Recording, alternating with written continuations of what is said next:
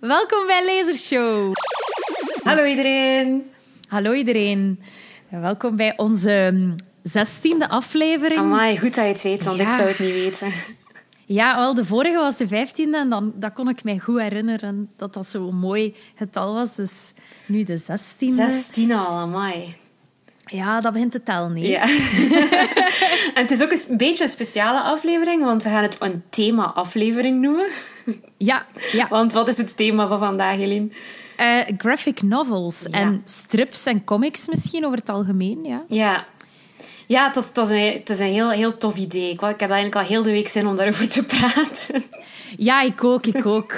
Het valt echt heel veel over te zeggen, hè. Ja, en, en ik merk ook de laatste tijd dat ik echt ehm, daar, daar wel echt mee, meer mee bezig ben dan vroeger. En ook echt vaak naar, naar strips of graphic novels eh, teruggrijp of zo. Ik weet niet of dat iets te maken heeft met corona of gewoon dat het zo wel wat druk is op het werk. Of, of als je zo wat moe bent, ik weet het niet. Maar ik vind het, ehm, het is like zo een, een opnieuw gevonden interesse of, eh, of zo voor mij de laatste maand of, of twee maanden of zo. Ja, ja, ja, ik begrijp wel, doordat er dan, om het met, met beroepsmisvorming te zeggen, meer visuele ondersteuning is. zo, ik bedoel, en meer illustraties en zo. Dat het wel soms, een beetje, wel afhankelijk vind ik van het thema, makkelijker leest. Maar Ja. niet altijd. Nee, Ja, nee. ja eh, misschien, misschien eh, ik weet niet... eh, Nee, ik had... een vraag voor jou? Nee, zeg Ah, maar, ja. zeg maar. Ja, ik had, ik had ehm, op, op, op onze Instagram ook eh, onlangs nog een, een post gemaakt van een strip dat ik had gekocht. En dan is daar ook heel veel reactie op gekomen van onze volgers en onze luisteraars. En ik had ook gevraagd van wie heeft er zo eh, ehm, tips of aanraders. En eh, dus een paar van die aanraders dat we hebben gekregen van onze luisteraars of van onze volgers gaan we vandaag ook bespreken. Dus dat is misschien wel tof. Ja, dat is inderdaad leuk. Ja. ja. Wat ging je vragen? Ah, wel, ik ging vragen, eh, heb je al van kleins af aan een, ehm, een zachte spot voor strips? Heb je dat altijd graag gelezen? Of? Ik ging dat ook vragen aan u. Ah ja, kijk, voilà. Ehm, ja, ik, denk dat, ik denk bijna iedereen zeker. Is dat niet ook een beetje hoe dat je zo begint met lezen voor een stuk ook? Zo de, strips. Ehm, ik en mijn broer gingen wel altijd naar de bibliotheek en dan hadden we heel vaak zo ja, onze kaart vol met, met strips als we naar huis gingen. Ehm, ja, wij, wij lazen heel, heel graag strips. En, ja, eigenlijk echt een beetje van alles. Als, als kind echt zo Paul, Pel en Pingo, ken je dat? Nee, is dat Paul die een, die een beer? Ja, dat is een beertje en, Ah, ja, en dan ja. een bingo, de. En, ehm, en, en ik denk een zeeleeuw of zo, ik weet het niet. En dat is niet zo met tekstballonnetjes. Dus dat is zo, je hebt dan zo foto, ah, zo tekeningen en daaronder dan het kopje van die beer als die beer iets zegt. En het kopje van Pingo als, als Pingo iets zegt. En ik had die vroeger als kind allemaal, ik verzamelde die. Wij waren wel zo stripverzamelaars. Als er zo rommelmarkten waren, gingen we dan zo met ons zakgeld eh daar naartoe en dan probeerden we zo eh, onze collectie te vervolledigen. Ik ben eh, tot, op de dag, ja, tot op de dag van vandaag ben ik nog mijn Lucky Luke collectie aan het, aan het verzamelen. Ik heb ze nog steeds niet allemaal. Aha, vandaar uw vraag of dat ik op Sint-Josefs College Aalst heb gezeten. Ja, ja. Ja, ik vond dat we het vandaag echt moesten hebben over Lucky Luke. Omdat dat echt zo... Ja, als kind was ik daar volledig weg van. En eigenlijk nog altijd een beetje... ehm, ja, ik vind, ik vind dat echt fantastisch, die Lucky Luke strips. En ik was een beetje research aan het doen dus. En dus de tekenaar... ehm, oh ja, de, de uitvinder van, van Lucky Luke is Morris. En die echte naam was Maurice de Beveren. En ja, die is dus geboren in mijn hometown, Cape Town, Kortrijk. En Hey. ehm, ja, maar er is dus ook een link met jou, want hij heeft in de- dezelfde school gezeten als jij in Aalst. Het Ja, juist. College. Maar ik, ik, heb, ik weet zo welke BV's er op mijn school hadden gezeten. Dus ik wist altijd dat eh, Maurice daar had gezeten. Maar omdat ik zijn echte naam niet wist. En ook, ik weet niet, ik ik heb nooit gezocht ehm, in de gang. Dus eh, naar, zijn, naar zijn klasfoto. Omdat in onze school in Aalst... ehm, voor de mensen die luisteren, die daar ook hebben gezeten, je hebt zo de retorica-foto's, dus de zesde middelbaar van alle leerlingen die daar hebben gezeten sinds 1900. En als ik mij niet vergis, kan je dus ook zelfs de klasfoto zien van Priester Daans, die daar ook had gezeten. Amai. En dan van Jean-Luc de Hane en zo. Maar dus die Maurice, ik, ik heb nooit gezocht naar hem. Ik weet ook niet in welk jaar dat hij geboren is of, Eh, of zo. Ja, ik heb mijn research echt goed gedaan hoor. 1923. Wauw. 1923. Ah, oké. Ja. Dus dan zat hij daar eh, tijdens de oorlog. Als 18-jarige, 1940. Ja, hij was daar op internaat ook, blijkbaar. Hij moest daar ook blijven slapen. En zo dat figuur van zo... Allee, want hij heeft echt nog les gekregen van paters. En blijkbaar heeft zo dat, dat figuurtje van zo die, ja, die, die lijkschouwer in Lucky Luke, zo die, die pastoor, dat heeft hij zo gebaseerd op de paters die zo... Ja, van wie dat hij zo les heeft gekregen. Ja, ja, de paters, die, die zijn daar... eh, die woonden daar ook. Ja. hè. Dus eh, dan, Ja. dan, eh, dan gaven die daar les. En dan, als wij daar eh, zaten, tot, dat was tot 2007 bij mij, dan woonden die wel ook nog altijd op school. En dan hadden die een aantal appartementen boven de speelplaats. Amai. En dan kon je dan zien dat die daar zaten en dat die daar samen woonden en aten. En dan de jaren nadien... Ehm, denk misschien dat die verhuisd zijn of dat die dan allemaal zodanig oud waren dat die dan gestorven zijn. Dat weet ik niet precies. Maar dan hebben ze dat leeggemaakt en werden dat ook klaslokalen. En dan zo... Die oude appartementen werden dan... eh, leefruimtes werden dan klaslokalen en ruimtes voor de leerkracht. Maar er was dus een bende paters die zo uitkeek op jullie speelplaats. Ja, Oké. Maar dus ik, wil, ik wil eh, eh, als er iemand is die het beter weet, want ik, eh, ik baseer mij vooral op mijn herinneringen. En ook op het feit, ik heb daar nog even les gegeven en dan hebben wij ook, was de leraars eh, ehm, eetzaal, ook denk ik de vroegere eetzaal van de paters. En sommige klassen, die waren duidelijk nog vroeger andere kamers geweest. Dat was, ja... Maar eh, eh, misschien zijn er mensen die, die er meer over weten. En ik weet dat sommige van mijn vrienden luisteren die, die daar ook hebben gezeten. Ah, ja, Die weten het misschien nog beter. Maar inderdaad, ik denk dat ik mij nog kan voorstellen dat die, als wij speeltijd hadden, dat, die daar, dat je die kon zien. Zo raar. Die daar zo boven in, in de ramen, eh, ja, Ja. die kon zien zitten of zo, ja. Ja, Ja. En, en lees, jij, lees jij graag Luke? Of heb je dat zelf ook gelezen ooit, of niet? Ehm, ik had één strip over Billy the Kid. Ja, En die las ik. die heb ik ook. Eh, wat is het? Het is. ehm, ik weet het niet, het is wat vreemd. Ik weet niet of dat dan bij andere kinderen ook zo was, maar ik las altijd de strips die van mijn ouders waren van vroeger. We hadden een heel pak strips, echt, ik denk wat, misschien 200. En die waren allemaal van mijn mama en mijn papa geweest. Dus we hadden heel veel Jommeke. Ehm, dan hadden we zo ene Lucky Luke, ene Urbanus. Zo random. We hadden ook ehm, Bakeland en Ja, ja. ehm, Torgal. En las Eline, altijd... Eline, had je, de Ja? rode, had je de Rode Ridder? Ja, maar dat vond ik saai en dat las ik nooit. En Allee. Ja, jij wel? Ja, met die monsters. En, en dat was zo middeleeuws. Ik vond dat een max. Ah, mooi zeg. Ja, ja, ja. Ook heel oude, zo, van mijn papa nog zo. En die waren zelfs Zo niet eens blauwe? eigen... Ja, ze waren zo niet eens ingekleurd. Dat was like, gewoon bruin of blauw. Ah ja, ja, Ja. die. Ja. En dus, ik weet niet, ik las dan soms... Maar dus de Rode Ridders hadden er heel veel van. want Mijn vader las dat graag, denk ik. Maar ik dus niet. En dan las ik bijvoorbeeld zo ene strip van Piet Pinter en Bert Bibber, altijd opnieuw. Maar dan was dat soms ook zo een vervolg op iets, maar dat je zo totaal niet wist over wat dat ging. Maar ik, ik, ging, ik las eigenlijk nooit strips van de bibliotheek. Want ik weet nog, ik weet niet, ik was echt zo een, een boekenkind en dan mochten wij vijf boeken uitlenen. En dan dacht ik, ja, maar die strip gaat direct uit zijn. En dan wou ik gewoon boeken lenen. Dat klinkt heel nerdy. Ja, een beetje, ja. Ja, maar ik weet wel dat, wij af en toe, dat ik af en toe wel een strip kreeg. ja. Ik was grote fan van Jommeke. En van Jommeke kwamen er altijd nog nieuwe uit. Hè. En van Kiekeboe. Ja, dat ja, vond ik ook, ook en dan- leuk. Kiekeboe. Dat is en leuk, ja. Zeker die met, die met zo'n monade vampieren en zo. Dat vond ik kei leuk. Met die vampieren. juist. De kus van Mona. Ja, en er waren, er, waren dan zo nog, er waren dan zo nog gekomen, denk ik. Maar waar die vampieren, vampieren in meededen. Ja, ik moet iets bekennen. Ik, ik, eh, ik had maar... Ik denk dat ik misschien één strip had van Kiekeboe of zo. En ik mocht...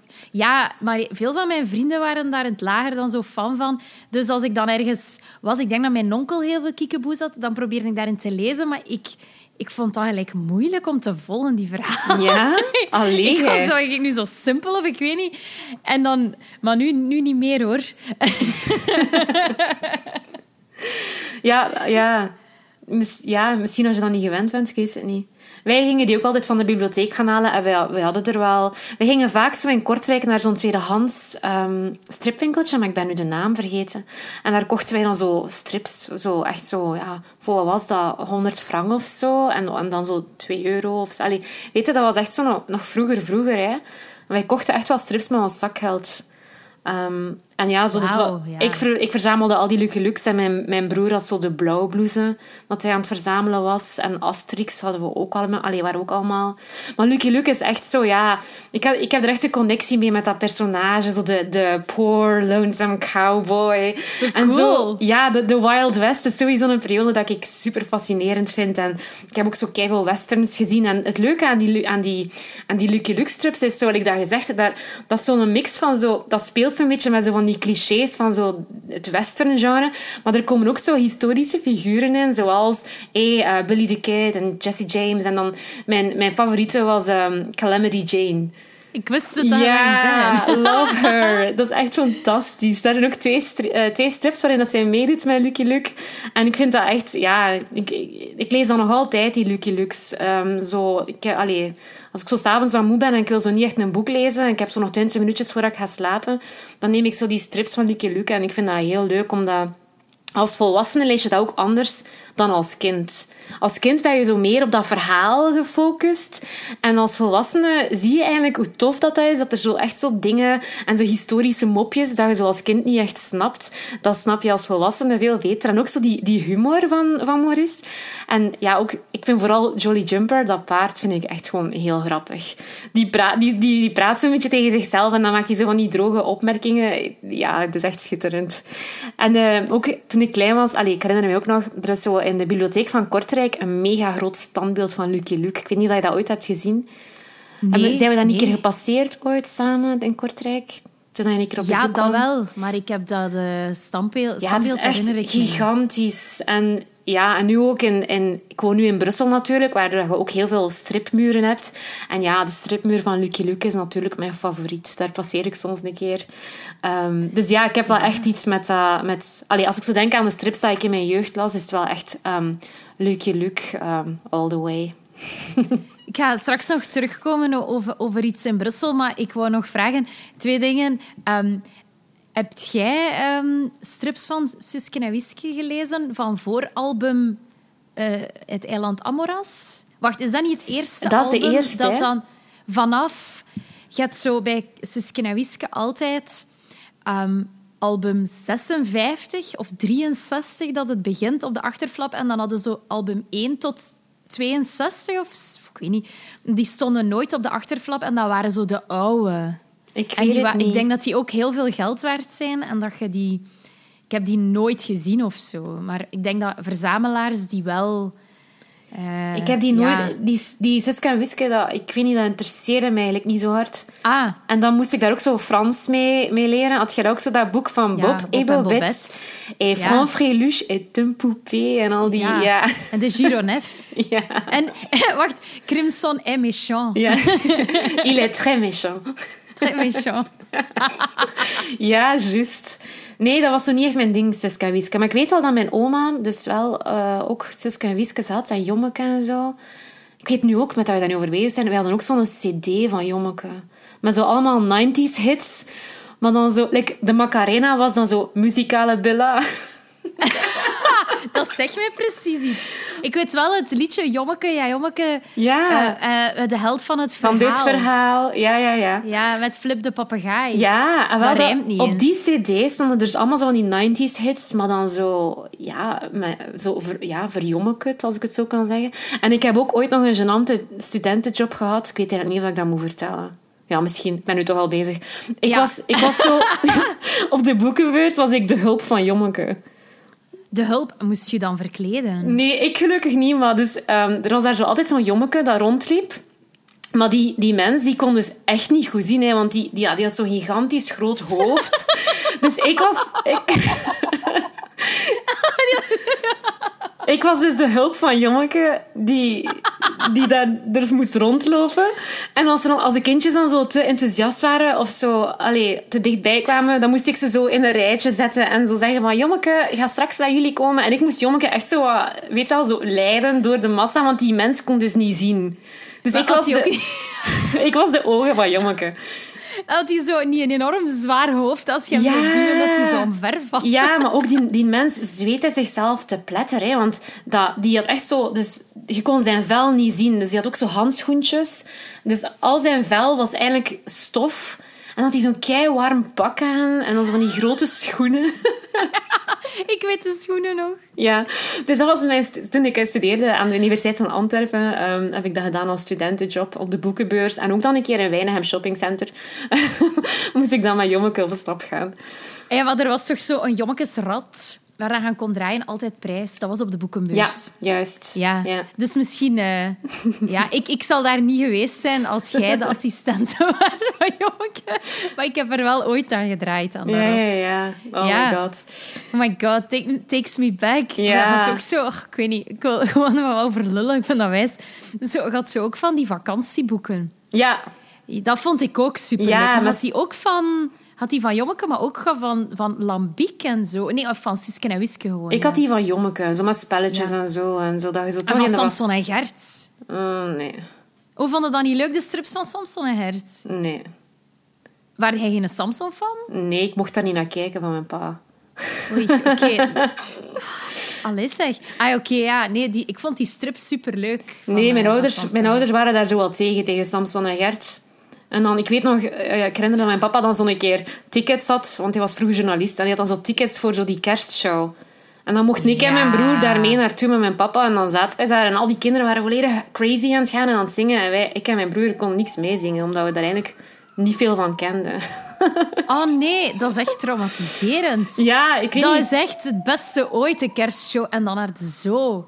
En dan al die kinderen staan zo recht mee te zingen. En, en die danseressen, ik denk dat als je zou vragen aan de 130-jarige vrouwen wat dat ze wilden worden als ze acht waren, was zo danseres bij het Samson Ballet. Is het echt? Dat was echt zo mijn... Wow, ik was zo... Ik dacht, wow, die hebben het zo gemaakt toen ik negen was of acht. En ik keek daarnaar dat die dansten. Ik vond dat echt zo indrukwekkend. Ja, nee, zie, dat, dat is dus een, een, een deel van, van de jeugd, wat het jeugd zijn of zo, dat ik gemist heb. Ja. Maar ja. ja. weet je eigenlijk, want dat was ik mij ook aan het afvragen, want nu zijn we zo vooral aan het praten over strips. Maar ja, eigenlijk willen we het ook hebben over zo graphic novels. Wat, ja, wat dat eigenlijk... Want ik heb verschillende zo, ja, websites gezocht waar ze zo een beetje het verschil zouden uitleggen. Wat dat eigenlijk de scheidingslijn is. Zo, wanneer spreken we van een comic of van een strip of een graphic novel. Heb jij iets gevonden daarover? Ah, ik heb daar... Ehm, nu voor, voor deze aflevering niet echt... Uh, niet echt over nagedacht of zo. Niet echt. Ik ja. Heb, ja, maar ik denk naarmate dat, um, dat, dat de tijd evolueert, dat ook soms de grenzen tussen bepaalde genres een beetje meer vloe wordt. Ja. En dat dan um, er misschien vroeger strenger werd gekeken naar uh, dit is literatuur en dit is genre. en, en hetzelfde met een graphic novel, dat is misschien uh, het woord novel, dus dan, dat is dan wat literairder, dat is dikker, dat is... Ja, en een strip eh, lijkt mij dan dat er misschien vroeger van gedacht werd dat dat lichter was of ook korter. Maar um, misschien is dat wel een beetje gewoon in the eye of the beholder. Mm -hmm. het, doet mij, het doet mij wel denken aan een interessante um, um, incident rond uh, het verschijnen en het nomineren van um, Maus van Art Spiegelman. Dus... En dat is een van de eerste... We gaan, we gaan dus in deze aflevering een paar ja. strips bespreken. En dat is misschien dan de eerste ja, dat we kunnen... Exact. Ja. Dus um, Art Spiegelman uh, is een Amerikaanse uh, tekenaar, schrijver, die um, wiens vader de uh, kampen heeft overleefd. De kampen uh, als in Auschwitz en zijn moeder ook, beiden. Die zijn uh, daarna naar Amerika verhuisd en Art Spiegelman is daar geboren. En um, hij heeft het verhaal van zijn um, ouders, met name van zijn vader eigenlijk, de getuigenis van zijn vader, omgezet naar een graphic novel of zoals, zoals je wilt, misschien strip. Ehm, en daarin, zoals de titel kan verraden, zijn de Joden... De titel is Maus. De Joden zijn muizen en de Duitsers zijn katten. En ehm, ja, dat is... Uh, ik denk dat, dat dat een van de eerste is in het genre dat heel ernstig werd genomen. Ja. En er was daar, ik ga straks ik ga er direct nog iets meer over zeggen, maar met dat we nu zeggen van, van de genres, um, die moest genomineerd worden voor, um, voor de Pulitzer Prize. Ze wilden die nomineren. En dan was er een probleem door het feit dat dat um, ja, dan non-fictie, fictie en dan ook nog eens, ja, dat was dan een strip. En dan, dan was daar ook wel discussie over van in welke categorie is die nu genomineerd en kan die nu winnen? En ik ga nu eventjes loeren op Google welke categorie dat hij uiteindelijk heeft gewonnen. Want het is eigenlijk met erover te spreken dat het mij nu weer te binnen schiet. Wat dat, dan, dat heeft de Pulitzer Prize dan gewonnen. Ja, dat weet ik ook. Um, en... Mm, mm, ik heb, het niet ik heb het niet gelezen, maar ik, weet, ik herinner mij wel nog allee, die hetze dat je nu zo zegt. Ja, wel, dus hij heeft in 1992 gewonnen. Mhm. En er staat... Wacht, hè. Uh, ja, ik, ga dat, ik ben hier niet rap genoeg voor onze luisteraars. Er staat iets raars over special, no, spe, de, uh, special citations and awards. Um, ik weet niet wat dat betekent. Um, ik, ga het, ik, ga het, uh, ik ga erop moeten terugkomen. Ja. Maar er was dus een ding van, is dat nu non-fictie? Nee. Is dat nu fictie? Uh, ja, nee, het is eigenlijk... Het genre gewoon. Het genre, ja. Mm Ja. Um, maar ik denk ah, dat... Ja, de, ja zeg, zeg maar. maar. zeg maar. En ik denk zeg gewoon maar, dat in de 90s, dat dat debat zo wel, zo met, met strips en graphic novels en zo, dat dat wel zo gevoerd werd. Want ik heb eigenlijk Um, de dingen dat, allee, een van de strips dat ik heb uh, gelezen voor deze, of herlezen voor deze episode, was ook zo van in, de jaren, in begin jaren 90. En ik heb daar ook dan over gelezen dat dat zo wat flu was. En dat, dat mensen dat dan gelijk een andere naam wilden geven. Zeker in Amerika. Om dat dan toch een beetje apart te zetten van meer zo de comics. Dat je dan zo had, zo weet wel, met zo de, die, die Avengers en zo die superheroes en zo. Ja. Um, om daar dan toch een beetje een scheidingslijn in te maken. Um, ja. En ik denk dat die... Ja, dat dat ook van toepassing is op, op jouw strip dat jij nu aan het bespreken bent. Ja, dus er was blijkbaar een aparte categorie of zo binnen de Pulitzer die ze dan gebruikten where they consider necessary hmm. special citations. En dan, dan is grappig, want de citation uh, die erbij staat is gewoon for mouse. Alsof dat... um, ja, ik weet het niet. Ik, zat, ik ga het eens moeten uitspitten. Maar um, ja, wacht. Wa, wa, ga maar verder hoor, Pauline. Um... Ah nee, ja, je, bent, je bent bezig over mouse, dus zeg maar wat. Ah, ja. ja. vertel daar maar wat over. Want ah, ik, heb, ja, ik dus... zeg het, ik heb er nog niet gele... Allee, ik, ik, heb er wel al over gehoord en over gelezen, maar het strip, de, de graphic novel zelf heb ik nog niet gelezen. Dus ik weet ja, wel waar het, het over gaat, maar nog niet uh, het gelezen. Is, uh, dus zoals ik zei, um, zijn vader, um, Vladek Spiegelman, um, is, uh, is een overlever van Auschwitz. Hij was Joods. Hij woonde samen met zijn vrouw in, um, in Anja heet ze, in Polen. En dan ja, vertelt hij uh, zijn, zijn belevenissen en traumatische ervaringen vanaf eigenlijk toen hij ja, één deeltje gaat over als hij jonger is. Dus ik denk in de twintig. En hoe dat hij de mama van uh, Art, Anja, leert kennen. En dan zijn er nog geen uh, donkere wolken aan de hemel. En dan de opkomst van het nazisme. En um, ook ja, ja, dus hoe dat zij langzaamaan in de val, om het zo treffend helaas te moeten zeggen, zijn gelokt en, geduwd.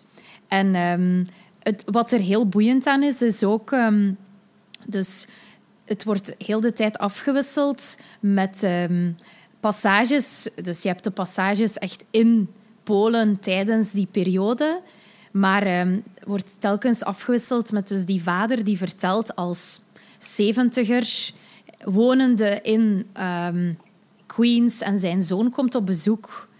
En ze zetten de bandrecorder aan en ze praten, maar dan heel de tijd die scènes daar rond van die zoon komt daartoe en ze praten dan over het, het leven in 19, in de jaren 80, waar dat ze zich dan bevinden. En dan zie je ook heel de tijd die interacties tussen Art en zijn vader en, en hoe dat, die, dat daar een heel gespannen relatie is.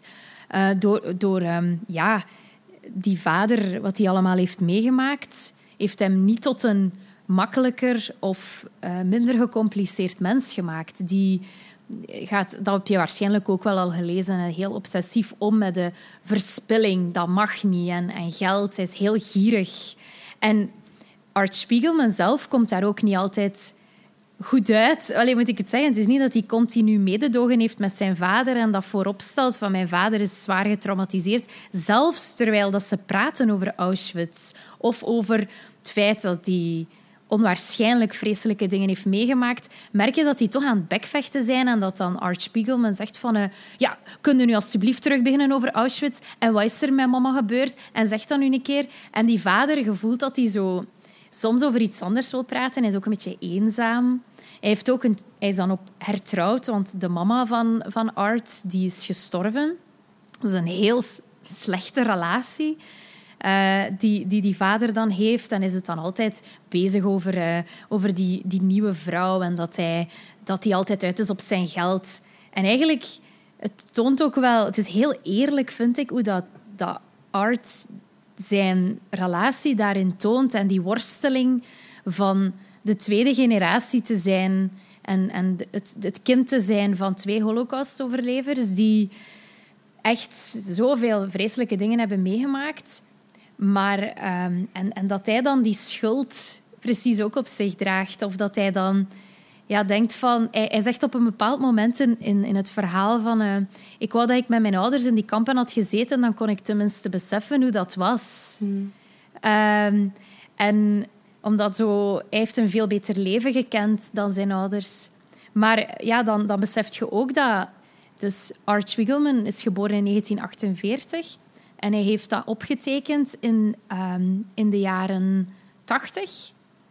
Uh, eh, eind jaren 70, begin jaren 80. Dus dat wil zeggen dat hij al een stuk in de 30 was toen dat zijn vader en hij eigenlijk daarover zijn beginnen praten. Dus zijn, zijn moeder, uh, wat er met zijn moeder en zijn vader is gebeurd, hij wist daar, naar ik vermoed, heel weinig over. En de, de, bijvoorbeeld de mentale gezondheid van zijn mama was heel slecht. En dat wordt ook in het boek uh, beschreven. Maar zij is ook een heel stuk vroeger gestorven. En ik, ik vermoed op basis van wat er hier staat dat hij met zijn moeder dan misschien helemaal bijna nooit heeft gepraat daarover. En ja, maar zij, zij waren dus ook een familie eh, kwijtgeraakt onder heel erge omstandigheden. En um, Art Spiegelman heeft ook, had ook een broertje dat dan geboren was voor de oorlog. En ze hebben dat kind dan proberen te laten beschermen bij andere mensen in een ander ghetto. Omdat ze dachten dat ze daar dat dat kind dan ging kunnen gered worden, maar dat was natuurlijk niet waar. En dus die heeft ook een broertje, dat hij, een ghost brother. Hmm. Het perfecte broertje dat dood is en dat altijd geïdealiseerd zal zijn en nooit heeft moeten geconfronteerd worden met die moeilijke ouders. En, die... en dat zorgt voor een heel interessant en maar wel denk ik ook complex uh, boek. Ja. Qua psychologie. Het klinkt heel zwaar. Het is, ja, ik heb het nu wel... Ik, ik, heb er ook aan de universiteit hebben wij zo'n vak gedaan over tweede generatie holocaust... Uh, uh, literatuur, waaronder Maus en dan ook Jonathan Safran Foer en Nicole Krauss. En daardoor ik, ik heb het toen gelezen en dan misschien twee keer zelfs dan, dan nu opnieuw. En denk ik door het opnieuw te lezen dat het dan misschien... Je weet het al. Mhm. Ja, het komt wel hard binnen, hoor. Ehm, ja, het is, het is uh, onvoorstelbaar. Ja. ja, ik wil hem ook heel graag uh, eens lezen. Het staat zeker ook op mijn lijstje om eens in de biep te gaan halen. Ja, ik vind dat een van de beste beste boeken die ik ooit heb gelezen. Ja, ik denk ook als je een aflevering maakt over um, graphic novels en strips, dan moet je het sowieso daar ook over hebben. Hè? Want dat is zo'n mijlpaal, denk ik, Maus. Ja. Je, kunt, allez, je moet die sowieso vermelden. Ik vind het wel interessant, want ik heb een strip gelezen, um, die noemt Irmina, van Barbara Jelin. En dat gaat eigenlijk over het andere perspectief dan. Het gaat wel, ja, onze vorige episode ging al over de Tweede Wereldoorlog. En nu zijn we hier weer al. Maar ja, de, ja. Irmina is een Duitse vrouw die tijdens de Tweede Wereldoorlog leeft. En we krijgen eigenlijk haar perspectief. Dus ik vind het wel interessant, wat jij nu aan het vertellen bent, heb ik eigenlijk het de andere zijde ervan gelezen. En die strip Ermina, dat is van, uh, dat is van 2014, dus is wel vrij recent. En dat was een tip van een van onze volgers, uh, Moira McFarlane. Ik hoop dat ik je naam juist uitspreek, Moira. Um, en het was echt een super tip, want ik vond het super mooi. Die, um, ik zal hem even tonen. Echt elke bijna elke pagina vond ik zo mooi. Die, die zou aan mijn muur kunnen hangen. Die is echt zo mooi getekend, Ja. die strip. En ik denk ook toen ik hem aan het lezen was, Eline, heb ik zo verschillende keren foto's naar u zitten sturen. Omdat, Ja, het, ja. omdat het zo mooi getekend is. En ja, ziet er echt heel mooi ja, uit. ik zou echt zo bepaalde pagina's kunnen inkaderen en hier aan de muur hangen of zo. Zo mooi is het. En die strip is eigenlijk gebaseerd op een doos van eh, dagboeken en brieven die Barbara Jelin dus gevonden had na de dood van haar oma. En het gaat, ja, de hele vraag die, waar uiteindelijk op, op rust of zo, is hoe dat een, een jonge, kritische vrouw eh, toch eigenlijk kan ja, verworden tot, tot een persoon die geen vragen stelt bij wat dat er gebeurt, die eigenlijk de andere kant op kijkt als Joodse winkels worden ingeslagen en als Joden worden weggevoerd. En dus eigenlijk iemand die passief medeplichtig is aan wat dat er daar allemaal gebeurd is in Nazi-Duitsland. Want ja, het hoofdpersonage Irmina is eigenlijk een heel eh, jonge, kritische vrouw in het begin. En de strip begint zelfs in Londen, want daar woont zij dan juist voor de oorlog. En ze wordt dan verliefd op een zwarte man, Howard. Ehm, maar dan moet zij terug naar Duitsland, want de oorlog begint dan en de, relatie tussen de UK en Duitsland verslechtert. En daar verwatert ook haar, haar contact met Howard. Ze schrijven wel brieven, maar dan, dan kan ze hem niet meer bereiken. En uiteindelijk ja, past ze zich dan aan aan, aan, aan het naziregime dat daar heerst en trouwt ze ook met, met, een, met een SS'er. Ehm, en dan na de oorlog krijgt ze een brief van die Howard. En hij is ondertussen zo gouverneur geworden van Barbados. Die heeft het echt wel gemaakt. Um, en dan wordt ze uitgenodigd. Dus echt lang na de oorlog, ik denk in de jaren tachtig of zo, gaat ze dan naar Barbados. En dan, dan ja, praat ze eigenlijk terug met haar oude liefde. En ja, het gaat eigenlijk echt zo'n beetje over die schuldvraag van... Ja, terwijl dat hij zich heeft ingezet om zo in Barbados echt iets op te bouwen voor de plaatselijke bevolking als, als zwarte man, heeft zij eigenlijk, ja, is zij gehuwd met een SS'er en, en heeft zij, ja, met haar zoon heeft ze geen contact meer. Maar het is heel mooi. Het is echt, um, ja, hoe dat het getekend is en hoe dat vormgegeven is. Je volgt die vrouw echt zo en, en ik, vond, ik vind echt een van de mooiste strips ook dat ik al gelezen heb, eigenlijk, Irmina. Dus ja, super tip van Moira. Dus dan zijn ook um, zowel het visuele Ja. als, als het verhalende zijn wel allebei even. uh, Ja, omdat je hebt, zo, je hebt zo de fase voor de oorlog, dan de oorlog zelf, en dan zo ja, een, een jump in time eigenlijk naar zo meer eh, recentere tijden, dat ze dan zo naar Barbados gaat. Ja, het is... Ik weet niet, ik, allee, ik heb hem ook gekocht, dus je, mag hem, je moet hem zeker een keer lenen van mij. Um, het is ook Graag, echt... Het is, ja. het is iets van... Wow, het is echt ook een dikke, zo, kijk. Ik zal het hier een keer voor de camera houden. Amai, ja. Ja, ja. het is in de... Als ik even ga kijken... In de, ja, tegen de 260 pagina's ook of zo. Um, en ja, ik vind het heel... Uh, allee, zeker ook een aanrader. Het was voor mij iets dat ik niet kende, maar ik ben blij dat ik hem gelezen heb. Vandaar dat ik hem ook Ja. met onze luisteraars wilde delen.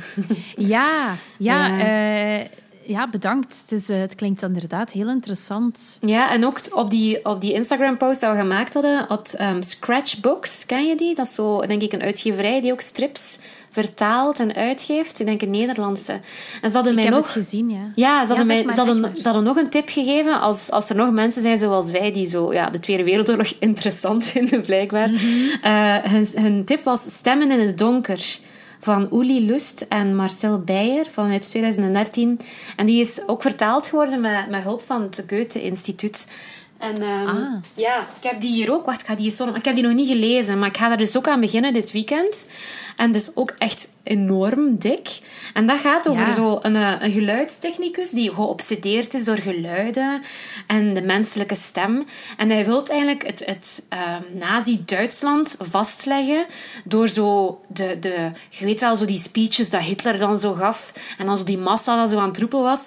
Door dat allemaal ja, vast te leggen. En zo komt hij ook in contact contact met de familie Goebbels en de jongste dochter van Goebbels, ehm, eh, de oudste dochter Helga, die zo ja, begint te beseffen wat er allemaal gebeurt in haar gezin en in, en, in Duitsland. Dus ik denk dat het ook zeker ehm, een super interessante graphic novel is. Echt, um, ja, ik heb hem dus niet meer op tijd kunnen lezen voor vandaag. Ehm, maar ja, als er nog mensen zijn die graag strips lezen en geïnteresseerd zijn in Wereldoorlog 2, denk ik dat dit ook een heel mooie is. Ook qua zo artwork, zo de tekeningen zijn heel mooi. Ja, ja, het ziet er uh, ook... Ik, ik, uh, als, je, als je erover spreekt, zou, zou ik het ook direct ter hand nemen. Ja, die is, ik heb die gehaald in, in Muntpunt. Ja, ja, ja ik, ik merk... Ik, allez, je hebt zo'n aantal klassiekers die veel mensen dan kennen, maar er is zoveel ik denk als, als je daarin verdiept, dat je echt heel veel uh, ja. genres erbinnen en, en stijlen en zo verder kunt, kunt ontdekken. Ja. Uh, want ik heb er inderdaad, ik was een beetje ambitieus en ik heb er ook verschillende uh, uitgeleend, maar ik heb ze nog niet allemaal kunnen lezen. Ik had ook iets van Brecht Evans. Um, die, ken je die? Dat is een Belgische um, kunstenaar. Um, en uh, die werkt heel kleurrijk. Heeft ook een aantal ja, strips, graphic novels uitgebracht. Uh, en een vriendin wist mij te vertellen dat hij dus elke pagina uit die graphic novels die hij maakt, die maakt hij ook op gigantisch formaat. Uh, dus als een groot kunstwerk. Is een beetje zoals dat je zou misschien willen dat die Irmina, dat je dat zou kunnen hangen in je huis, maakt hij dus per, van alle pagina's uit dat boek. En dan, als ik het goed begrijp, dus ik weet niet welke richting dat ze werken, of dat ze nu eerst het, de pagina maken en van daaruit vertrekken. Ik denk eerder omgekeerd, dat ze het kunstwerk maken en van daaruit dan dat dan verkleinen en zo tot, tot de, de pagina van, uh, van het stripverhaal komen. Ja, ik denk, um, de dag van vandaag kan je op zoveel manieren ook aan, aan een strip beginnen of aan een graphic novel. Het is niet meer zo gewoon van ja, tekenen, maar er zijn zoveel technieken en al dat je kunt gebruiken eigenlijk. Ja, dat is juist. Dat is juist. Um, heb je, wat ik een mooie stijl vind, is... Ken je Black Hole van Charles Burns? Nee. Um, dat gaat over een... Uh, het een beetje in het thema van corona. gaat over een, um, nee. een, een, ziekte. ja, dat is raar. Toen dat de lockdown net begon, hè, was zo de eerste, de oude lockdown, dan moest ik daaraan denken. Met, het is een ziekte die, door, die tieners aan elkaar doorgeven via seks, maar waarbij dat je zo dan alien-kenmerken krijgt.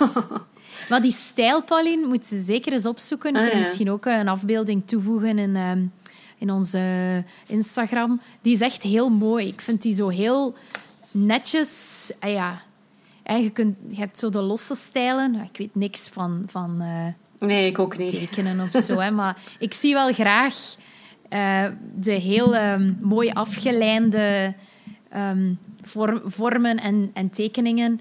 Ehm, en dat brengt me misschien ook bij de tweede graphic novel die ik ehm, had uh, gelezen. En dat is ook op aanraden van vrienden. My Friend Damer. Uh, of Mijn Vriend Damer van uh, Durf Back Durf. die zijn naam is niet echt Durf Back Durf, maar wel zijn familienaam Back Durf. Um, en voor de uh, true crime freaks onder ons, waarvan ik zeker ben dat er velen zijn, die al die uh, shit zalige uh, reeksen checken op Netflix. Op Netflix, ja. Ja, is er ook um, bij... Er is een of andere uh, docu-reeks over seriemoordenaars, uiteraard.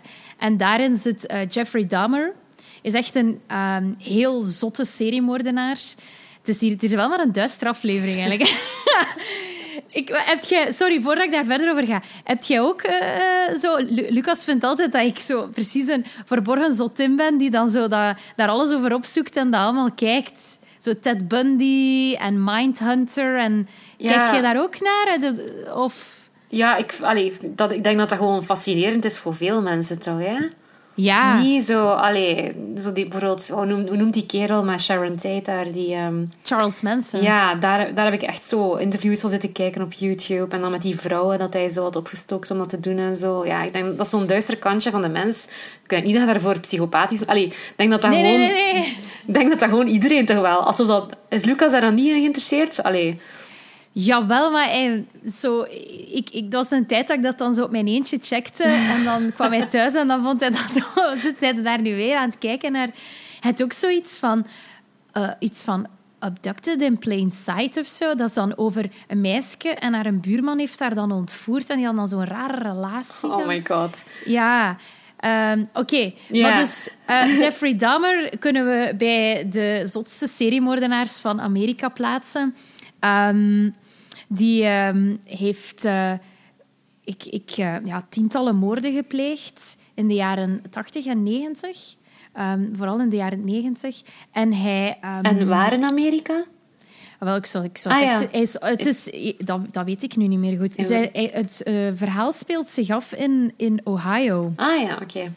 Ja, het is gewoon dat ik wou weten, zo welke staat. Maar eh Damer, dus, dus zelf, dat was dan ook iemand die dan rondreed of dan... Die speelde zich allemaal af in het gay-milieu. Hij was ook een kannibaal. Oh. Dus hij heeft 17 eh, mannen en jongens, dus enkel mannen en jongens, eh, van 1978 tot 1991 vermoord en, ehm, hoe zeg je dat, dismembered. Ja. Dus eh, ja, je weet wel, hè. Ja. Ehm, en ehm, hij loste die dan soms op in zuur en zo. Oh, Het heeft echt lang geduurd eer dat ze die dus hebben kunnen vatten.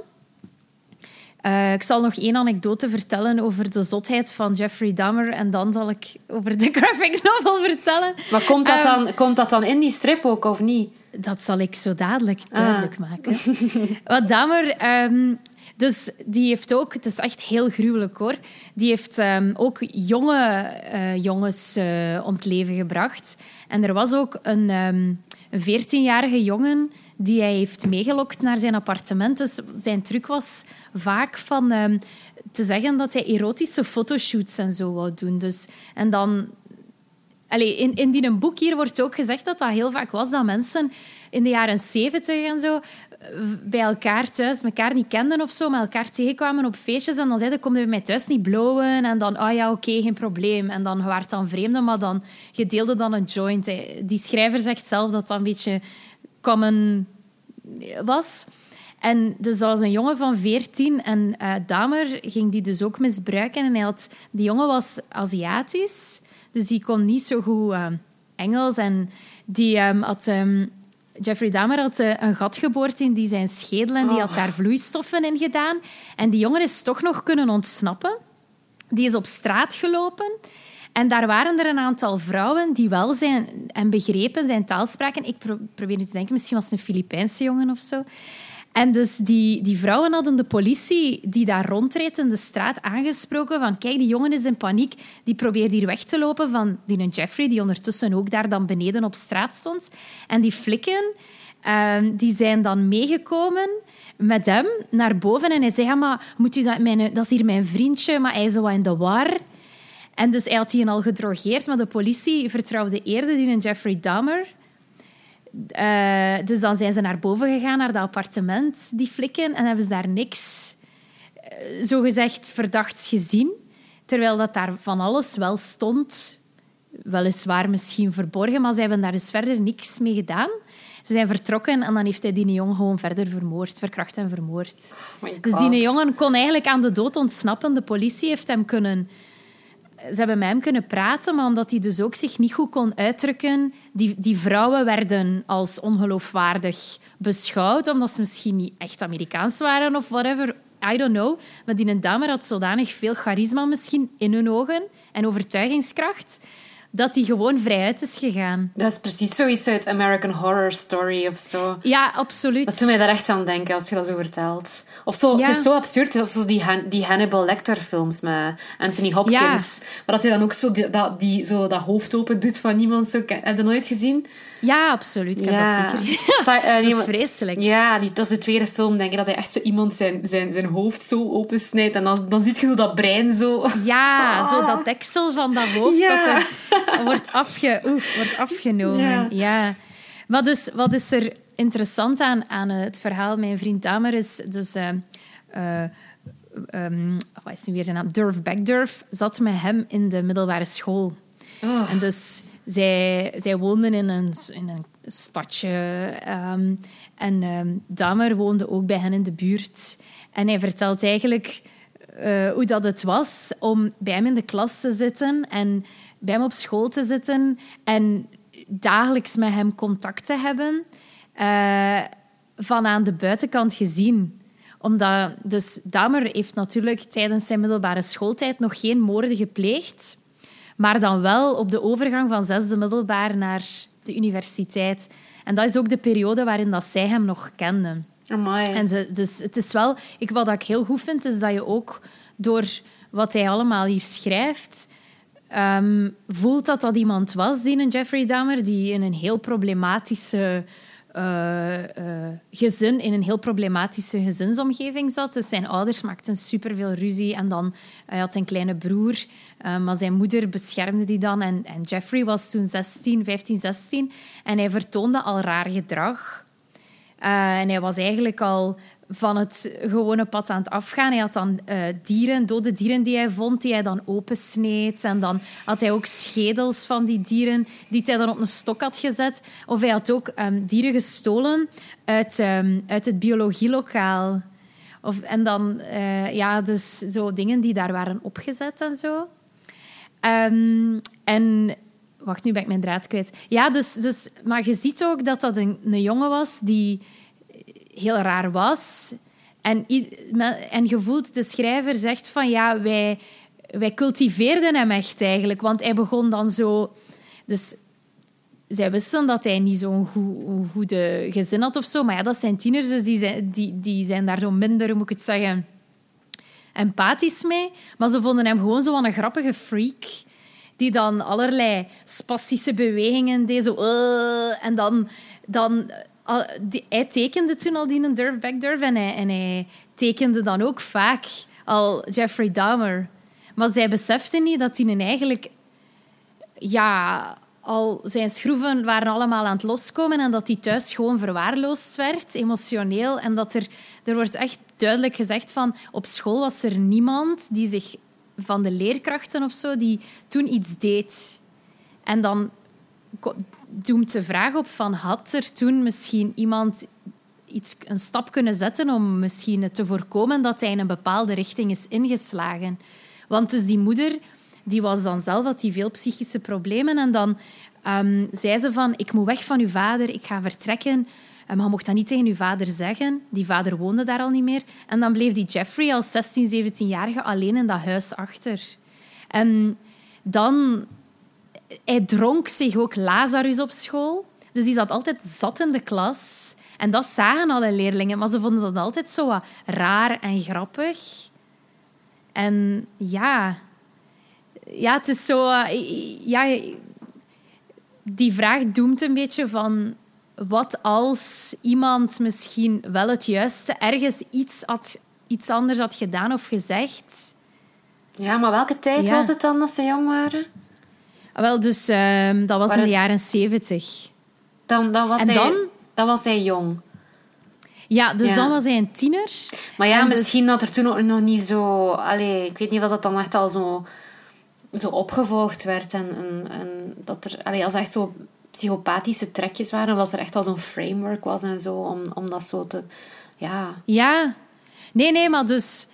Ja, het... het um, het is gewoon interessant omdat er je, je vraagt je dikwijls af, denk ik, uh, van hoe was het dan als je zo iets heel zot zou ontdekken van iemand? Yeah. Van, heb, heb ik daar al eerder signalen van, zou ik daar eerder signalen van hebben kunnen opgevangen hebben? En, en ja, en dat, dat vind ik wel. Ik vind het echt een, een heel, heel goede graphic novel ook. Uh, zonder expliciet te zijn. Hmm. Ook niet in de tekeningen. Het gaat hier niet... Je ziet hier geen moorden. Het gaat over die periode ervoor. Maar wel zo de eenzaamheid van die figuur. Ja. Um, zonder dan te zeggen van... Ja, uh, het is allemaal... Hij, hij, heeft een slechte jeugd gehad en daarom ja. is hij een seriemoordenaar. Ze maken, er, ze maken er geen slachtoffer van of zo. Of zo'n nee. zo beetje een anti-held of zo. Dat is het ook niet dan. Nee, Ja. absoluut niet. Want hij was ook onuitstaanbaar. En hij Mm. kon ook op heel rare momenten beginnen lachen als er iets ergs gebeurde. En, en zij, ze geven ook wel toe, anderzijds, dat ze hem nooit in hun vriendengroep ehm, opnamen. Dus Ja. dan, om, hem, om hem te kunnen lachen. En dan cultiveerden ze zo zijn, zijn quirks. Maar dan zetten ze hem thuis af en gingen zij nog op café en hij mocht dan niet mee. Ja, ja, ja. Ik kan er me wel Ja. eens bij voorstellen. Ja. Ja, het is... Het is, eh, ja, het is ik ben blij dat ik het heb gelezen. En van welk, dat jaar? ook- van welk jaar is die eh, strip? Ehm, die strip is van, ik denk 2012. ah ja, ook, ook redelijk Eh, recent. ja, redelijk recent, ja. En die, die was van u... Scratchbooks, Ah, ook al? de uitgeverij. Ja, Ah ja, amai, wat een name-dropping zijn wij hier aan het doen, jongen. amai, ja. en dat, dat was van, van vrienden van jou aangeraden? Ja, Ja. ehm, een vriendin van mij die, ehm, die had daar eh, al eens eerder over gepraat. En omdat ik dan ge- geïnteresseerd ben in seriemoordenaars. En dan zo uw manische lach erbij. ja. Eh, dat vond ik dat wel... ehm, Ja. ja, de moeite. En de stijl is ook heel... ja, ik vind dat hij heel mooie stijl... Ik zal het eens dichterbij tonen. Ja, ik zie het zo niet goed, omdat het zo te dichtbij is bijna. Maar... Ah ja, oké. Ja. Ik zal het eens googlen straks. Ja. Ja, zeker doen. Misschien moet ik het over iets wat luchtiger hebben dan nu. Ja, eh, dat is goed. ja, ik wou, ook, eh, ik wou het even hebben over ehm, Ghost World. Ja. Ken je die? Ik weet dat er een verfilming is. Ja, wacht, ik zal het ook even tonen van, van Daniel ehm Klaus, denk ik. Ehm, ja, het is eigenlijk een, eh, dat is echt zo een dunner. Allee, het is echt zo, denk ik, 80 pagina's. En het waren eigenlijk acht stukjes die zo apart verschenen waren. Iedere keer zo met de heading Ghost World. En die dan zijn samengevoegd ehm, ja, in, in, in een strip of in een, in een boek eigenlijk. En ik vind dat ook heel... ah, ik ga ook even tonen. Ik vind dat ook heel leuke tekeningen. Ehm, Heel mooi. ja, ja. Klaus die, die, ehm, die, ehm, die tekent ook voor de New Yorker en zo, cartoons. Ja, het is Dus- vandaar dat ik zijn naam herken, denk Ja. ik. Van de covers en zo van de New Yorker ook. Ja, misschien. hij, Ja. Allee, dus, het is wel echt een, een- ja, een bekende naam, denk ik. En Ghost World is zo een beetje... Ja, het het is zo begin de jaren negentig. Het gaat zo over, over twee tienermeisjes. En ik heb het zelf ook zo gelezen. Ik had eerst de film gezien eh, toen die uitkwam. Dus eh, het is inderdaad verfilmd met Scarlett Johansson en eh, Steve Buscemi, denk ik. Ja, ehm, en ik had eerst die film gezien en dan... Ik vond die zo leuk, als, zo als tiener, dat ik dan... ehm, die strip ben gaan opzoeken. En dus het is wel zoiets dat ik al, al lang ken. En dat wel zo... Ja, ik heb er wel ook zo'n beetje een band mee eigenlijk. Ehm, want je volgt eigenlijk zo... ja, twee, twee tienertjes. eh Enid Coleslaw en Rebecca Doppelmayr. en, ehm, ja, dus die Coleslaw, dat is eigenlijk zo'n anagram van Daniel Klaus. Of Klaus. Ah, ja. Dus, ehm, en ze zijn zo, het zijn zo twee tienermeisjes die zo... Ja, ze zijn zo super cynisch. En ze zitten dan zo... allee, ze voelen zich zo'n beetje beter dan de tieners rondom hun. En dan... Eigenlijk zitten ze zo bijvoorbeeld de hele middag op café. En dan zitten ze zo iedereen zo... Allee, ze zijn zo op alles en nog wat aan het bashen en zo. En zo... Ja, ook zo'n beetje pseudo-intellectuele dingen aan het zeggen. En allee, het is als tiener... Of als je zo pas uit die fase bent, is het wel zo heel herkenbaar. Ehm, en ze zijn zo pas afgestudeerd van high school en ze weten zo niet goed wat dat ze nu met hun leven moeten doen. En ook met hun relatie met elkaar en, en met mannen. Ehm, ze zijn zo nog heel zoekende en, ze, dwalen eigenlijk heel tijd rond in ehm, zo, ja, de, de, de ghost town, ghost world, waar dat ze zo wonen. Het is zo Amerika, zo met ja, winkelcentra, maar dan ook zo ja, zo van die 50s diners waar ze dan zo gaan zitten om ermee te lachen eigenlijk ook. En allee, want het is zo echt zo, ja, ze, ze, het is een beetje zo'n ghost world zo. En ook ze zien overal zo graffiti met ghost world en vandaar dat de, dat de naam ook zo komt. En het, gaat, allee, het is niet echt een verhaallijn of zo. Het is eigenlijk gewoon die twee meisjes die zo, ja, niet echt een doel hebben. En die niet goed weten waar naartoe. En, en die gewoon zo, ja, op, op zoek zijn naar, naar, naar een doel op zich. En, en ja, het is, ik, vind het, ik vind het heel leuk. Ehm, en ook de film en de soundtrack van de film zijn super tof. Dus ja, ik dacht als het dan over, ehm, over graphic novels hebben, wil- wilde ik deze ook wel even vermelden. Het enige wat ik zo jammer vind, is de, de cover is zo super kleurrijk en ook zo de achterkant. Maar dan de strip zelf is zo in groentinten. Ik weet niet of je dat kan zien. Ja, en het ja. origineel was blijkbaar zo in, in blauwtinten, denk ik. Dus de, de strip zelf is totaal niet kleurrijk eigenlijk. En dat, dat vind ik, ja, persoonlijk vind ik dat eigenlijk wat jammer. Ehm, Zou daar iets achter zitten? ik weet niet, ja, waarschijnlijk wel. ehm, maar ik zou, dat, ik zou dat toffer vinden persoonlijk als dat zo in kleur is, echt. Ja, want daar, de cover spreekt hier. daardoor ook aan. hè. Ja, ja. Ja, maar en ze, ze doen allemaal zo van die, van die dingen dat je zoals tiener ook hebt gedaan. hè. Dus ze, ze gaat dan zo met een, ze gaat dan zo'n seksshop binnen en like, dat maskertje, dat heeft ze dan daar gekocht. Zo. en ze loopt daar dan zo mee rond. Ehm, en of ze, ze, ze gaan dan zo, ze zit dan zo in die, in die diner en ja, ze, ze, ze zit dan zo'n beetje te lachen met die waiter die daar werkt. Of ze, ze hebben dan zo'n annonce van iemand die zo een vrouw zoekt met rost haar dat hij ooit heeft gezien. Hij, denkt, en dat is zo'n zoekertje. En ze, van, ehm, ze, bellen daar dan natuurlijk naar en ze doen dan alsof ze die vrouw zijn. Allee, ja, het zijn zo echt zo van die streken dat je wel zo wat herkent. Ehm, dus ja, het is, het is ook een beetje een cultklassieker. Hè? Dus allee, ik denk, denk dat veel mensen hem misschien ook wel zullen kennen. Ja, ik, ik ken het van ehm, de verfilming. Ik Ja. wist dat, dat die verfilming er was met Scarlett Johansson. Ja, ze was toen nog, ze was toen nog heel jong, hè. En ook de, dus dat andere meisje wordt gespeeld door eh, Thora Birch, denk ik. Die kan je misschien van American Beauty. Ze speelde de dochter van Kevin Spacey in American Eh, Beauty. Ja, dat weet ik nog, ja. Dus het zijn twee jonge actrices eigenlijk. Maar het verhaal is wel veranderd in de film. Dus het is eigenlijk niet helemaal hetzelfde, maar er zitten zo elementjes van de strip in de film. En eh, Daniel Klaus heeft ook geholpen. ehm, ik denk dat hij het script mee heeft geschreven en zo. Dus hij is wel heel nauw betrokken, Ah, ja. betrokken geweest ehm, bij, de, bij de verfilming eigenlijk. Oké. Ehm, ja, dus ja, dat, wil ik wel zeker ook... Zeker ook eh, een, een aanrader. Oké. En dan een beetje Ja. vergelijkbaar is dan mijn, mijn laatste. Het sluit er ook zo wel bij aan, vind ik, qua, qua stijl en humor. En zo'n beetje die zwarte humor. Is Fun Home. Van eh, Oh, ja. ja, Alison Bechdel. Ehm, Ja. ja. Heb jij Ja, dat is iets Ja, bijzonder, hè? Ja. Ik heb hem, eh, ik heb hem gelezen ehm, een paar jaar geleden. En Alison, ja, de, ik, eh, wat ik er mij nog goed van... Ik heb hem ook uitgeleend, maar ik had geen tijd om hem nog te lezen. Ehm, ja, het gaat over haar vader, ehm, die dood is. Ja. En ehm, zij zelf is lesbisch. En ze, daar is ergens een spanning dat ze dat wil zeggen. Of ja, dat is, ik, weet het, ik weet het allemaal niet meer zo goed. Ja. Buiten dat haar papa, of was haar papa homo? Ja, dus het is eigenlijk, ehm Fun Home is eigenlijk zo'n beetje een, een vorm van, van memoire ook. Hey, we hebben het al een keer gehad ook in een aflevering over memoires. Eigenlijk had- hadden we die daar toen ook kunnen eh, bespreken. Ehm, Ja. Waarin ze eigenlijk zo vertelt over haar coming out, ehm, omdat ze inderdaad lesbisch is. Ehm, en als ze, dan, als ze dat dan aan haar ouders laat weten, dan, dan komt ze ineens te weten van haar mama dat haar papa gay is. Dus haar papa heeft eigenlijk heel zijn leven dat verstopt. Ehm, hij had ook affaires met zo high school students, want hij was de leerkracht Engels. Ehm, en ze gingen dan zo samen op campingtrip daarmee en zo. En dus zij komt dat dan te weten. Dus eigenlijk is zo'n beetje haar, eigen coming out, wordt dan zo overshadowed door dat nieuws dat haar papa eigenlijk gay is. Ehm, en dan gaat ze zo eigenlijk terug in de, in, de, in de tijd ook stukken. Het is eigenlijk totaal niet... Het, het verhaal is totaal niet lineair. We, we zien zo verschillende stukjes. En krijgen we een, een beeld van die, van die vaderfiguur.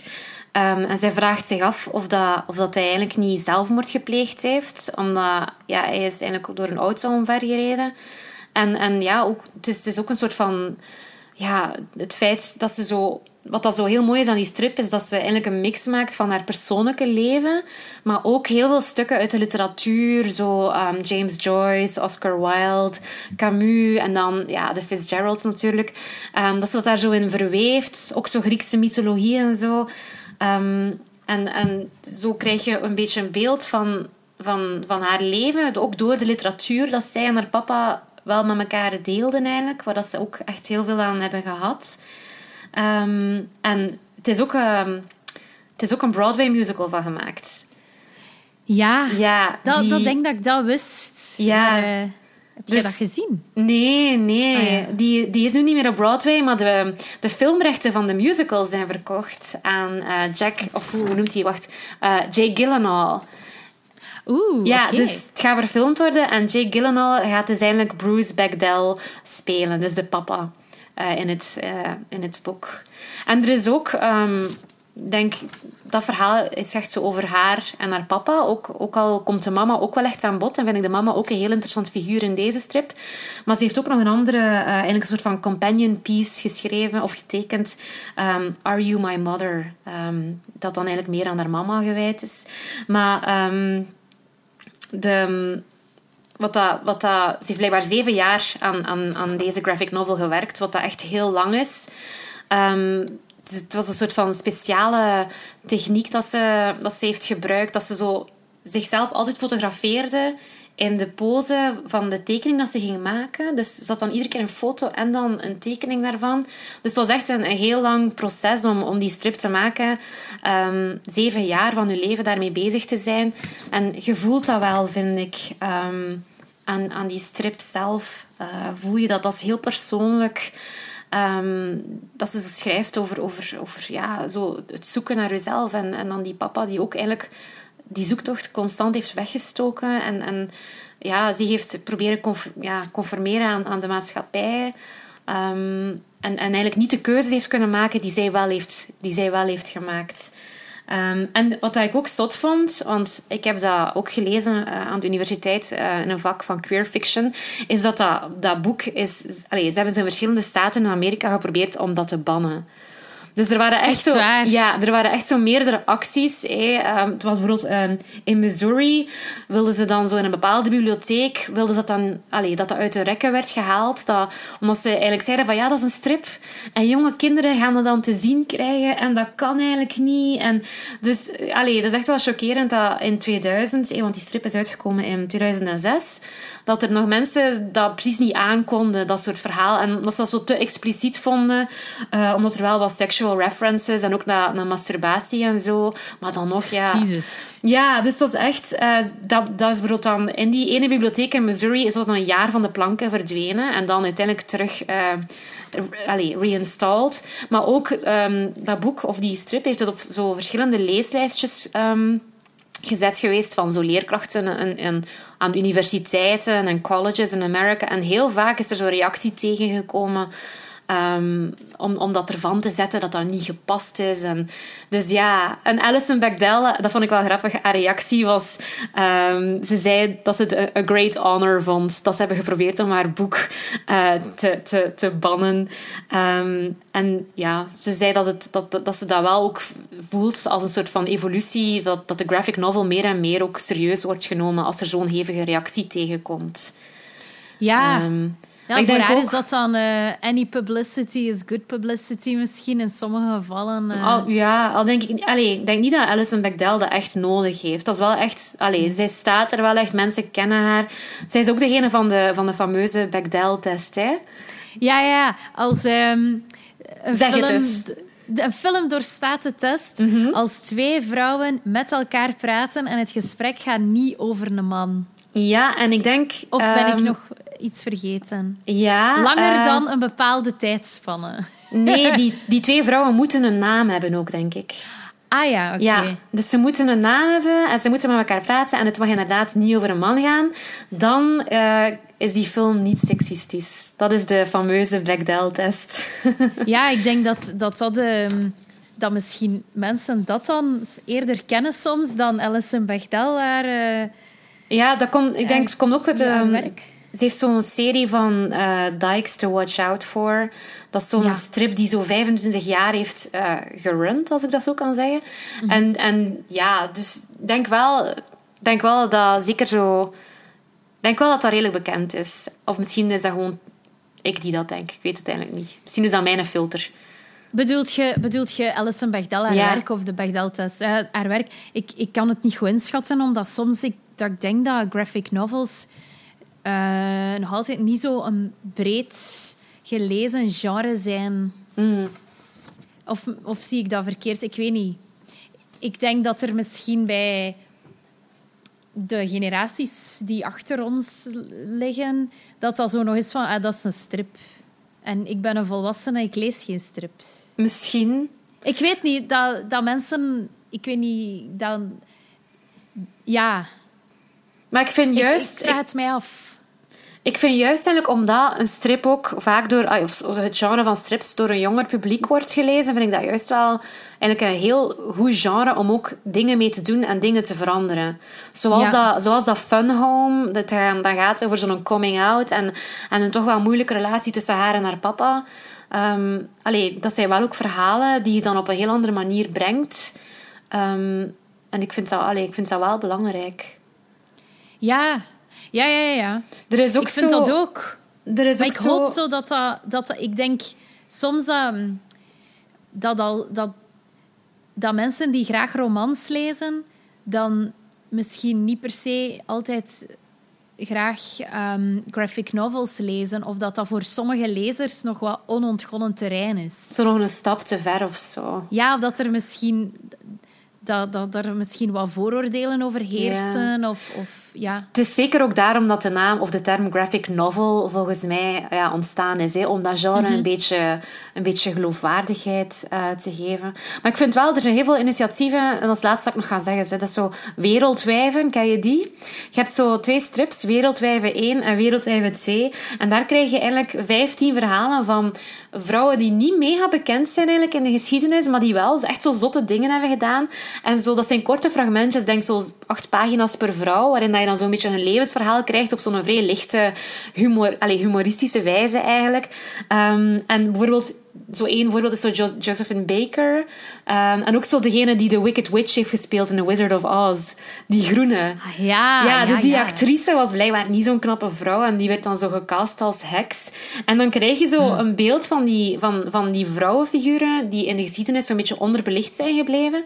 En die, um, ik had een interview gekeken met die, um, met die tekenares. Want ze gaan nu zelfs die strip ook in animatievorm, eh, zo animatievorm, zo filmpjes gaan ze maken ervan. En ze zei dat, dat eigenlijk de stripwereld voornamelijk nog mannelijk is. Um, en dat zij eigenlijk de, de, het strip, um, hoe zeg je dat, het, het, het genre of, of gewoon wil het aan... wereldje. Ja, het wil gebruiken. Nee, gewoon de strip als medium eigenlijk wil gebruiken om ook zo verhalen van vrouwen te vertellen en aan jonge meisjes ook zo door te geven. En dat vind ik, allee, vind ik ook wel goed. Allee, het is ook daarom dat ik echt wel over Alison Bechdel wilde praten. Omdat dat echt ook iets anders is dan inderdaad de zoveelste mannelijke striptekenaar. Ja, dat is waar. Ik, ik vond dat ook als ik in de bibliotheek dan keek naar uh, wat er allemaal stond van graphic novels, viel het mij wel op dat er heel wat mannelijke auteurs waren. Ja. En ook um, misschien wel heel wat witte auteurs. Dat kan ook, um, ja. Ja, Want ik als- weet het niet. Ik heb er niet zo'n goed zicht op. Want als kind was ik ook wel altijd in die Lucky Luke strips. Ik was ook wel altijd op zoek naar die vrouwelijke figuren. Ik weet het wel nog. Ik vond die cowboys cool en zo. Maar ik vond de strips waar er ook vrouwelijke figuren in kwamen, zoals hey, Calamity Jane of Bellstar, die vond ik dan echt leuk, omdat ik daar dan, ja, uh, allee, ik, kon- daar meer uithalen dan ook. Ja, de, het is ook een stuk herkenbaarheid. Ja. Zeker als je een, een kind bent. Hè. Ja, Hetzelfde met prentenboeken. Hè. Eh, er zijn heel weinig prentenboeken waar de kinderen met een migratieachtergrond de hoofdrol spelen. ja. Ehm, ah, ik wou nog... Ja, we zijn ondertussen al heel lang aan het praten. Oei. Dus ik wou nog kort... Ja, we zijn al eh, eh, een dik uur aan het praten. Ah, moet je nog maar- twee... Ja, zeg maar. zeg Twee maar. nog. Ah, maar moest, ik dacht, je Nee, nee, nee, nee, zeggen... nee, ik wou nog twee dingen zeggen. Ah, ik, ik Maar- dacht, ik ging juist zeggen, moest je niet nog over ehm, From Hell iets Ja, dat zeggen? heeft mij, het is eigenlijk waar, want dat heeft mijn leven hier beheerst de laatste week. Dus eh, ik, ga, ik ga heel kort zijn. Ja. Het ehm, voor mensen die graag comics lezen en zo, zal de naam Alan Bo- Moore niet onbekend zijn, denk ik. Is ook ehm, eh, de, ja, de schrijver van Watchmen. Ja. Ehm, en nog een heleboel andere eh, ja, strips, slash comics, slash graphic novels. En Alan Moore heeft samen met Eddie Campbell ook From Hell gemaakt. En dat is een waanzinnig, ehm, eh, waanzinnige graphic novel over Jack the Ripper. En daar zit je weer met een psychopaat. Ja, want het is eigenlijk... Oké. Eline. eh, ja, maar ik ga afsluiten met een mooie anekdote. Ah, ja. Ehm, straks. Want dus ehm, heel... eh, ik weet daar niks over, over Jack, the Ripper. Ik heb ook nooit From Hell, de film, gezien. Ik weet alleen, er zijn een aantal prostituees vermoord in. Londen op het einde van de eh 19e eeuw. Victoriaans Engeland. En dat was allemaal rond Whitechapel, Ja. die buurt. Die ehm, ik, ik ben daar allemaal niet zo goed van op de hoogte, maar het is blijkbaar echt een ongure buurt. Maar daar kun je nu zo die Jack the Ripper tour volgen in Londen. Ah, voilà, kijk. Het is nu een En, mega ehm. Ah ja, zie. en dus ehm, het gaat over van wat zou er... Dus er wordt een bepaalde theorie in gevolgd. eh, over... ga het niet verklappen natuurlijk allemaal, Nee. maar de, de, op de cover kan je de zogezegde Jack the Ripper zien. En er zou, het heeft te maken met de vrijmetselaars. Ja. En eh, het, he- het zou te maken hebben met de zoon van eh, Queen Victoria, die een, ehm, een onwettelijk kind zou hebben. Oh, zalig. Dat, dat, dat niemand en dat, dat er een aantal prostituees zijn die dat weten en die proberen om het koningshuis om te kopen. En dus die moeten natuurlijk dood, hè. Ja, Het geheim moet, hè, dat moet een geheim blijven. En dus zij sturen dan volgens dit boek, een, dat is een theorie, eh, daar een eh, dokter op af, die eh, geobsedeerd is door anatomie. En dus ook een, de ripper zou, Ja, ja. zou zijn. Wat is dus, ja, het is vooral... Ja, zeg Is, maar. de, is, de, is dat dan Johnny Depp in de film? Dat weet ik niet. Ik De dokter, ik denk, gezien. ik heb de William film... Gull. Ik heb de film vroeger nog gezien op kanaal 2 of VT4, ik weet het niet meer. Eh, echt heel lang geleden. En ik denk wel dat dat, als ik het me goed herinner, dat dat Johnny Depp was dan. In de verfilming. Ja, dat zou kunnen, want ehm, ja, de- de- het volgt ook de inspecteurs die het onderzoek voeren en die van alles voelen. En Alan Moore heeft achteraan enorm kijk, notities genomen over waar hij alles heeft gevonden. Dus bij elke pagina kan je lezen welke bron hij had geraadpleegd. Want aan het begin van het verhaal vond ik dat dus echt moeilijk om te begrijpen waarover dat, dat ging. En dan, als ik al op twee derde zat, besefte ik dat er achteraan ik weet niet hoeveel appendix staat. En dan ben ik eigenlijk begonnen met dan alles te lezen dat hij schrijft bij elke pagina. En ben ik ook nog teruggekeerd en dan wordt het wel een heel stuk duidelijker. Ah ja. Maar het is echt lezen. Het is From echt Hell. zots. Ja, From ik, wil hem ook graag lezen wel. Maar ik, had, ik had nog één quote van die ehm, Campbell, dus diegene die, de tekenaar van, van, van uw boek van From Hell, die heeft zo een graphic novel manifesto geschreven in 2005. En daar zegt hij eigenlijk dat the goal of the graphic novelist is to take the form of the comic book which has become an embarrassment and raise it to a more ambitious and meaningful level. En denk, als je dan zo zegt dat hij dan echt zo met bronvermelding werkt en zo, ja, dan, dan herken ik natuurlijk wel heel hard wat dat hij daarmee probeerde te zeggen. Als je dan kijkt naar zo die Marvel comics of zo, allee, like die Avengers, ja, dat is dan misschien wat meer escapistisch eh En meer superhelden. En, Ja, eh, maar let op, ik vind dat ja. ook leuk. Hè. Ik heb ook al die films gezien hè, van die Avengers en Captain America en The Hulk. Ja, ja, ja, en ook Alan Moore is ook bij. Je hebt Marvel en je hebt DC. En Ja. Alan Moore heeft ook daar... eh, blijkbaar speelt hij daar ook een grote rol in, Ja. in het bedenken van die verhalen. ik vind vaak zo die verfilmingen van die strips ook echt leuk. Zo like Wonder Woman onlangs. En allee, ik geniet er echt van, van die, van die stripverfilmingen ook. Zo in de cinema, echt met popcorn gewoon zitten boeven. Ja, ja, er is een leuke van Spider-Man, hè, met de zoon van eh, Will Smith. Ah, ja, Amazing ja. Spider-Man ja, ja, ja. of zo. De, Ja, ja, ja. Er zijn er al meerdere hè, van, van Spider-Man. Ja. Ja.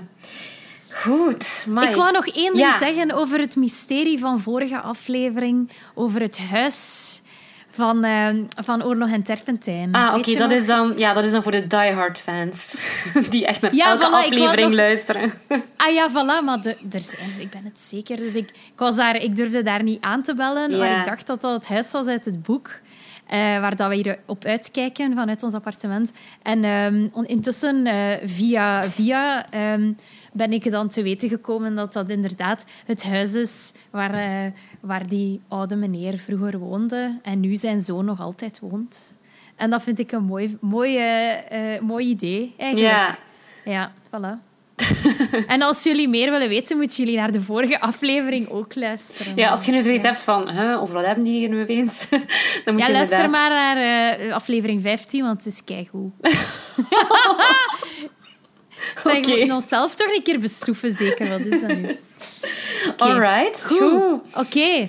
Ja, en als, Dan, jullie nou, als jullie nog andere tips hebben voor graphic novels die we zeker moeten lezen, eh, laat zeker een comment na eh, als we deze post maken. We, we, allee, we vinden het heel tof om van jullie ook ehm, tips te krijgen over boeken, maar ook graphic novels, want dat heeft ons vorige keer heel veel geholpen. Dus eh, shoot.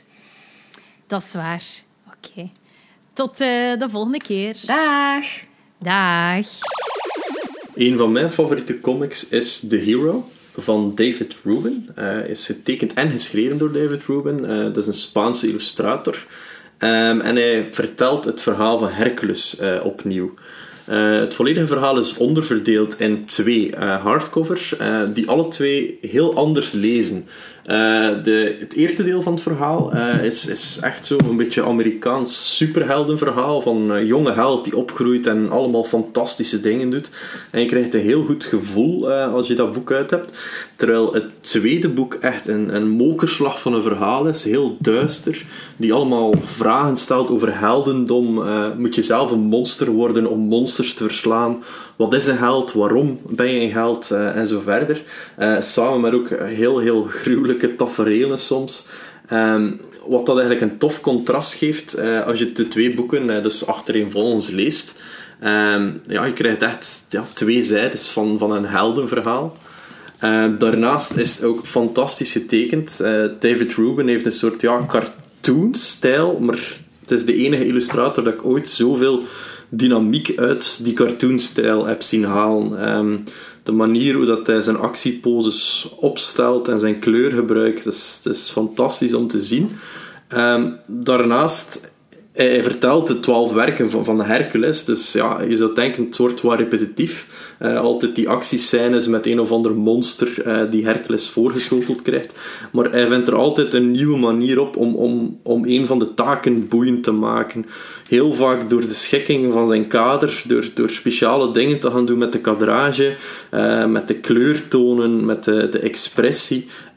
allemaal aangevuld met eigenlijk ook echt een, een heel goed geschreven verhaal want dat is soms iets dat, dat ik wel bang van ben als, als de, de tekenaar ook het verhaal schrijft. Maar in dit geval is hij echt meester van beide. Um, wat dat een heel, heel tof verhaal maakt.